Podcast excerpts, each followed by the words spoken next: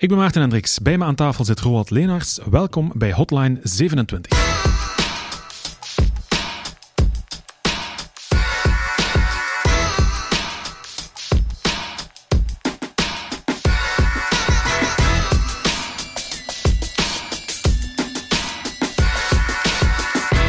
Roald, we horen tegenwoordig veel over de cloud en Amazon.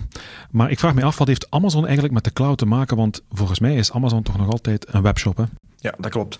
Eh, AWS of Amazon Web Services, dat is eigenlijk een beetje ontstaan door een, een probleem wat zij intern hadden een aantal jaren geleden. Um, ze zijn initieel gestart als boekenwinkel en zij waren natuurlijk heel sterk aan het groeien en zij moesten natuurlijk ook technisch dat een beetje kunnen volgen. Hè. Dus naar mate van infrastructuur en zo. En wat hebben ze dan gedaan? Ze hebben intern eigenlijk iets gebouwd dat ervoor ging zorgen dat ze niet steeds het warm water opnieuw moesten uitvinden. Dus ze konden heel eenvoudig infrastructuur, database, webservices konden ze gaan, gaan provisionen aan de hand van een API.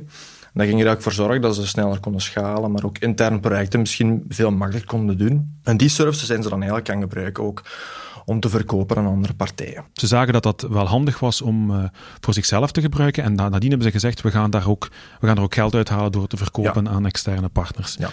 En dan in 2006 zijn ze eigenlijk dan gestart met hun eerste services naar buiten te brengen. Dat was dan de S3, de EC2 en de SQS. Misschien heel kort uitleggen wat S3 is voor mij de bekendste. Dus S3 dat is heel eenvoudig uh, makkelijk storage van bepaalde objecten.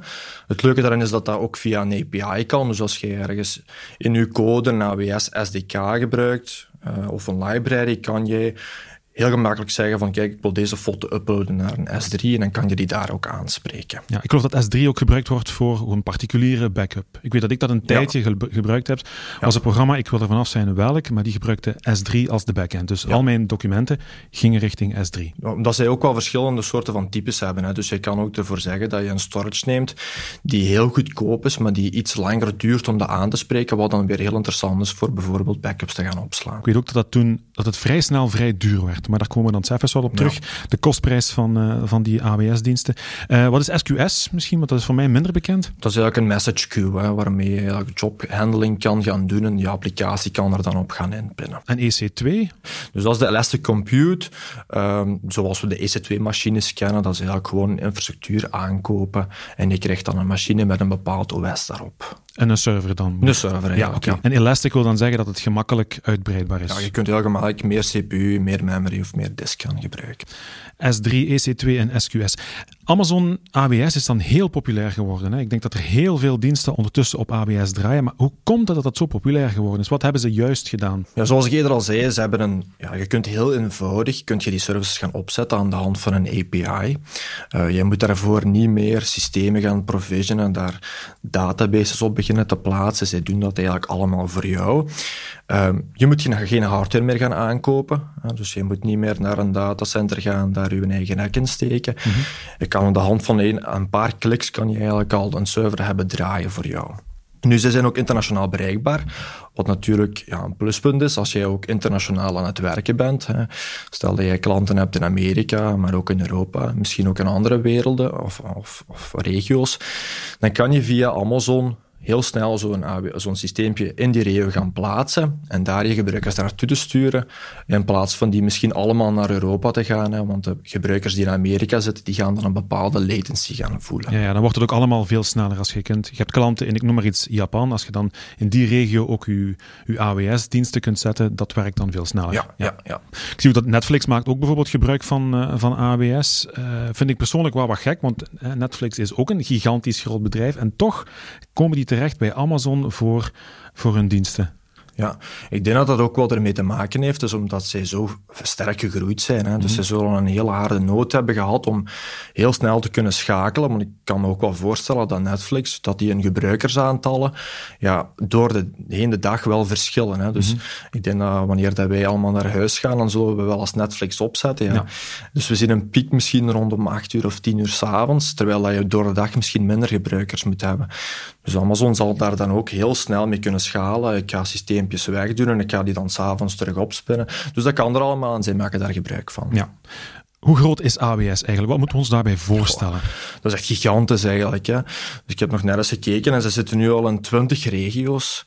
Um, dus uh, met ook nog eens drie zones in. Mm -hmm. ja, dus dat is echt gigantisch. En dat gaat van Amerika tot Azië, tot Europa. We mogen ervan uitgaan dat ze nagenoeg overal zitten, denk ik. Hè.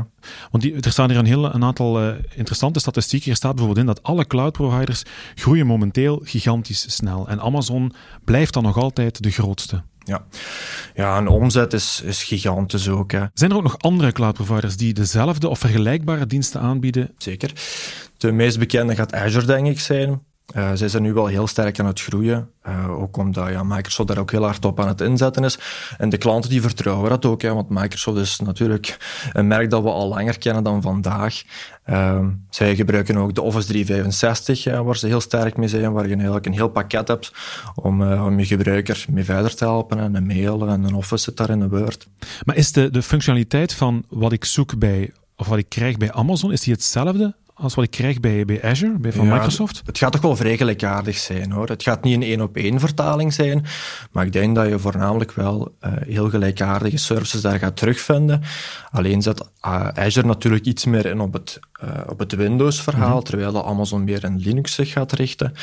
Um, dus ja, je zou een beetje kunnen, de twee kunnen opsplitsen en ik ga de Amazon misschien voor de, de Linux of de hipster noemen wij dat, varianten gebruiken. ja. En de Azure is dan voor de enterprise, omdat die heel vaak met de Windows en met licenties werken. Ja. En, en ze pakken dan enorm fel een marktaandeel. Dat is gewoon omdat ze dat Windows-ecosysteem al, al hebben. Ja, ze hebben dat natuurlijk al. Ze hebben die licenties al. Uh, dus ja, heel veel organisaties die vertrouwen daar nog natuurlijk op dat Microsoft dat goed gaat doen. Hè. Mm -hmm. um, en dan daarnaast hebben ze een Office 365 verhaal ook nog wat, wat ongelooflijk ja, uh, populair is en ook heel gemakkelijk in gebruik is. Is Azure ook de backend van Office 365? Nou, dat weet ik eigenlijk niet of dat, dat echt in de backend wordt gebruikt. Zou wel eens kunnen. Ja, want Office 365 is nu enorm populair aan het worden. Hè. Er zijn heel veel bedrijven die met Office 365 aan het werken zijn. Dus misschien dat ook de reden dat ze dan, zoals gezegd, overgaan naar, ja. naar Azure. Ja, zou wel kunnen, ja. ja. Maar we zien ook echt dat heel veel klanten daar nu naartoe gaan. Dus ik denk dat voor lokale cloud providers of hosting providers het zelfs niet meer echt interessant gaat zijn om zo'n lokale mailclient mm -hmm. op te zetten of de service zelfs aan te bieden. Nu vraag ik me af, S3 heb je, EC2 waarvoor heb ik nu aan AWS nodig? Wanneer komen klanten naar jullie toe en zeggen van we hebben AWS-diensten nodig? Wat, wat doen die daar dan mee bijvoorbeeld? De vraag moet je natuurlijk eerst stellen, heb je die services ook effectief nodig? Mm -hmm. um, omdat het natuurlijk wel eenvoudig is om een S3 op te zetten of, of misschien gewoon snel een EC2-machinetje voor iets, iets te gaan gebruiken. Uh, daarnaast is bijvoorbeeld CloudFront ook heel interessant. Wat is CloudFront? CloudFront, daar kan je eigenlijk uh, statische websites mee gaan cachen. En zij werken eigenlijk aan de hand van POPs. Dus elke POP heeft zo een caching service waar dat die website volledig in zit. Mm -hmm. En ze zitten dan denk ik op, op meer dan 160 plaatsen. Ja. Dus ook weer als je dan met meerdere klanten of meer, uh, ja, met, een, met een publiek hebt dat in meerdere regio's zit, kan je je website korter met je doel. Uh, het gaat altijd om snelheid. Ja, ja, absoluut. Dus ja, als jij zegt van ik wil heel eenvoudig gewoon zo'n service gaan gebruiken zonder dat ik daar superveel uh, effort in moet gaan steken om dat te configureren, kan dat heel interessant zijn. Uh, want bijvoorbeeld, je kan ook Kubernetes gaan installeren. Ja, om dat lokaal op te zetten, ja, dan ben je misschien wel ja, belevertjes zoet. Mm -hmm. uh, maar ook weer een Amazon dan eigenlijk volledig aan de hand van enkele kliks kan via de EKS. Is het echt zo gemakkelijk om, om dingen op te zetten bij ja, Amazon? Ja, het, het is wel vrij eenvoudig hoor. Um, uh, maar je moet natuurlijk altijd nog altijd de know-how hebben, dus je moet je toch wel eventjes verdiepen in wat dat die opties nu precies allemaal willen zeggen in die services. Want je kan je daar wel snel aan vergissen. Ja. Want niet alles wordt standaard perfect geconfigureerd. Um, zeg maar bijvoorbeeld een IPv6-adres of, of, of, of database encryptie of zo, dat zit daar standaard niet in. Dan moet je dan nog extra gaan configureren. Dus je moet goed opletten wat je aan. Want ik vraag het ook omdat, stel dat je een tijdelijk project hebt, iets wat, wat heel snel moet, er moet zijn, ja. dan kun je Amazon Web Services ook gebruiken. Ja, absoluut. Dus als jij een tijdelijke website hebt voor een, voor een, een marketingactie bijvoorbeeld, en uh, ja, je verwacht ook dat er toch redelijk wat bezoekers op gaan komen op korte termijn, maar dat project duurt misschien maar drie, drie maanden. Ja, dan is het heel eenvoudig om, aan, om via Amazon zo een CloudFront bijvoorbeeld op te gaan zetten. Um, is eigenlijk ook niet super duur. Uh, en dan op het einde van het project dat gewoon af, uh, af te breken. En dan zit je ook niet meer met infrastructuur die je nog hebt liggen, waar je ook nog vanaf moet. Hè. Dus je, dan heb je eigenlijk alleen maar een pay-as-you-use. Stel dat je nu bijvoorbeeld zegt van ik wil hier nu ook nog multi-datacenter gaan werken, want je wilt een failover kunnen doen. Um, dat kan daar ook eigenlijk heel eenvoudig. kan allemaal geregeld worden met ABS. Ik weet waarom ik ABS nodig heb. Ik heb het ook effectief nodig. Maar uh, wat moet er dan precies gebeuren om dat aan het draaien te krijgen? Ik denk dat je eerst altijd goed moet kijken naar uh, hoe ziet die service er nu, nu precies uit? Hè? Wat voor opties heb ik hier? De opties die er standaard gebruikt worden, zijn die de correcte? Uh, want ja, daar kan je wel eens iets fout mee doen. Um, ja, welk instance type moet ik nu precies gaan gebruiken? Want daar heb je ook 120 verschillende varianten voor. En natuurlijk, als je het is altijd een beetje een afweging dat je moet maken, want dat is altijd niet eenvoudig. Kies ik voor de service of kies ik voor een EC2-systeem? Want ik zeg nu maar, ik wil bijvoorbeeld een Memcache gaan gebruiken. Ik kan heel eenvoudig mm -hmm. de Memcache-service gaan, gaan aanzetten en ik kan die gaan gebruiken. Maar ja, ik betaal er natuurlijk ook wel een meerkost gaan voor, omdat ik die service in gebruik heb. Je zou ook kunnen zeggen, nee, ik koop gewoon een systeem aan en ik begin daar losse memcache, bijvoorbeeld containers op te spannen. Ja, dan ga je misschien je, veel goedkoper Dat bedoel je met een EC2-instance, waar je dan die diensten ook nog eens gaat opzetten. Begrijp ik het zo goed? Uh, nee, dan ga je het eigenlijk zelf installeren. Ja, okay. Dus dan ga je niet meer de service gebruiken van AWS, maar dan ga je het eigenlijk volledig hm. zelf doen, dan wel op een server van hun. Omdat je daar, ja, de, prijs moet je een beetje gaan, goed gaan vergelijken. Heeft die service effectief meerwaarde? Ik kan me voorstellen dat dat voor Memcache misschien minder relevant is, omdat dat heel eenvoudig op te stellen is, dat weet ik uit ervaring. Um, ga je dan bijvoorbeeld naar de iets moeilijkere, de databases met, met master-slave, ja, dan wordt het misschien wel heel interessant voor jou. Hè? Je moet nog met een aantal dingen rekening houden. Hè? Als je Amazon uh, Web Services opzet, zoals? Ja, zo'n service gaan, gaan bij elkaar klikken is meestal niet voldoende. Je moet ook nog rekening houden met uh, hoe ga ik dat precies monitoren? Ga ik dat zelf doen? Ga ik misschien CloudWatch gebruiken van AWS? Zij doen al bijvoorbeeld zij verzamelen dan een heel aantal uh, statistieken en je kan er dan alarmen op gaan creëren.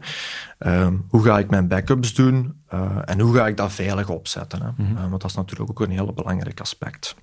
Ik, ik merk het, is, het is heel erg complex. Dus ik, ik, ben wat terughoudend om daar zelf aan te beginnen. Hè? Want je hebt toch heel wat kennis nodig. Hè? Ja, ja, als je dat niet hebt, ja, dan kan je je wel eens vergissen. Hè? Um, stel dat je bijvoorbeeld een, een, een, een instance type gaat kiezen van het test bijvoorbeeld, het testtype, de T2's. Dat wordt heel vaak in de, in de development uh, guides wordt dat wel eens gebruikt. Mm.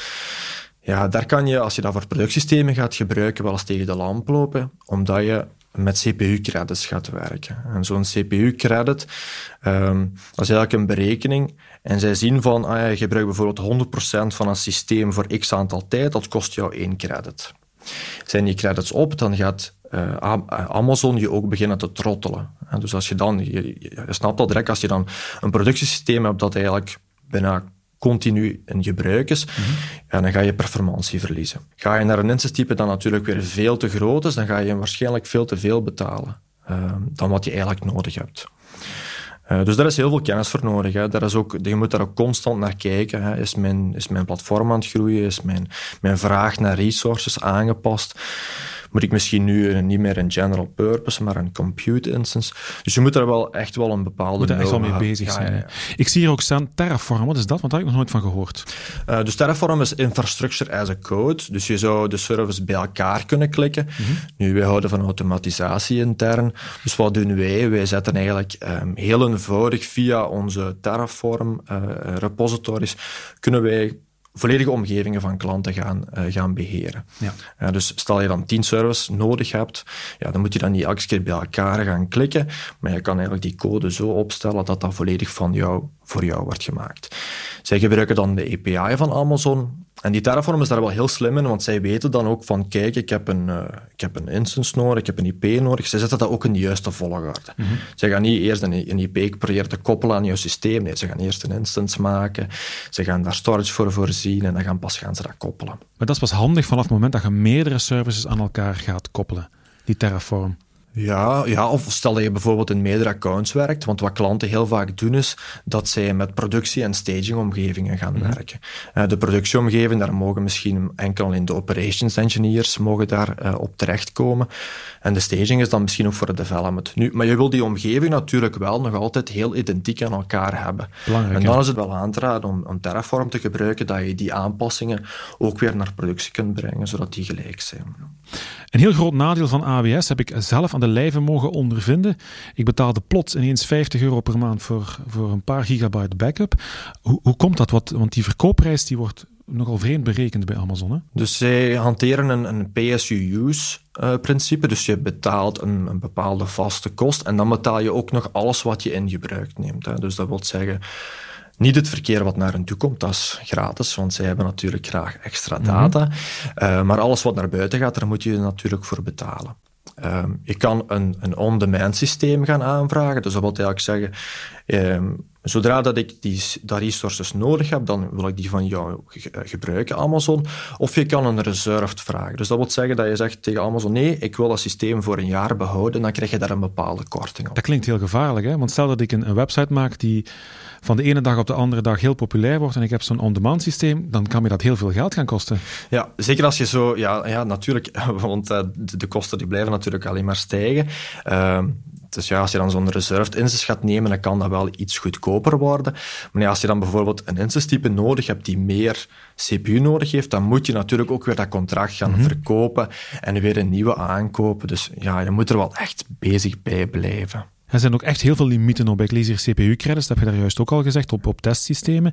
Uh, IO-operaties op basis van de disk, wat wordt daarmee bedoeld? Dus eigenlijk alles is gelimiteerd in AWS. Um, de IO-operaties die worden ge, um, berekend aan het de disk die er effectief geprovisioned is. Dus stel dat je een systeem hebt met maar 8 gigabyte aan storage, dan ga je ook heel weinig IO-operaties kunnen doen. Schrijven van en naar de Schrijven van en naar de, uh, de, storage, ja. Heb je een grotere disk, dan ga je weer meer krijgen.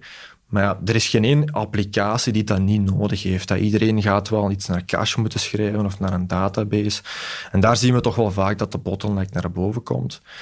En als je dan meer IO-operaties wil gaan gebruiken, ja, daar betaal je natuurlijk ook wel een eeuwige kost voor. Daar staan calculators op die website. Hè. Je kunt dat allemaal vrij... Maar die zijn heel complex, vind ik. Hè. Ik heb dat ook bekeken. Dat je moet echt wel flink wat kennis hebben om fatsoenlijk uit te rekenen wat gaat mij dat hier kosten. Hè? Ja, dat is ook altijd voor ons een hele moeilijke ehm, ehm, rekening om te maken, om te zeggen van uh, klanten komen naar ons en zeggen ik wil in AWS uh, komen te zitten, hoeveel gaat me dat kosten? Ik kan nooit effectief op de, op de euro of op de dollar zeggen dat gaat u zoveel mm kosten. Dat gaat echt van maand tot maand kunnen afhangen wat er precies in gebruik is. Wat we altijd aanraden is ook om uh, aan de hand van tags te werken in uw billing. Uh, puur omdat je dan heel eenvoudig kan zeggen, ik heb hier een applicatie en die gebruikt S3 en die CloudFront en misschien nog een EC2-instance. Ik ga die taggen met een bepaalde naam en dan kan je daar ook in je billing op gaan filteren. Dan kan je zien, oké, okay, dat kost mij zoveel. Dus hangt een label aan al die verschillende diensten gezien, toon mij dat label, daar horen ja. die diensten bij en dat gaat mij zoveel kosten. Ja, en dan zie je ook het netwerk en die operaties, dan zie je er allemaal dan terug boven komen. Raden jullie AWS standaard aan als klanten naar jullie toe komen? Goh, dat hangt er een beetje af van de, wat de use case is, denk ik. Hè. De meeste gebruikers uh, of de meeste klanten die enkel alleen in België zitten, zou ik dat niet aanraden. Mhm. Tenzij het misschien een tijdelijk project is. Hè. Iemand die bijvoorbeeld een marketingwebsite gaat lanceren, die misschien, misschien maar drie maanden of zoiets moet draaien, dan kan dat wel heel nuttig zijn. Um, of je bent natuurlijk heel internationaal bezig.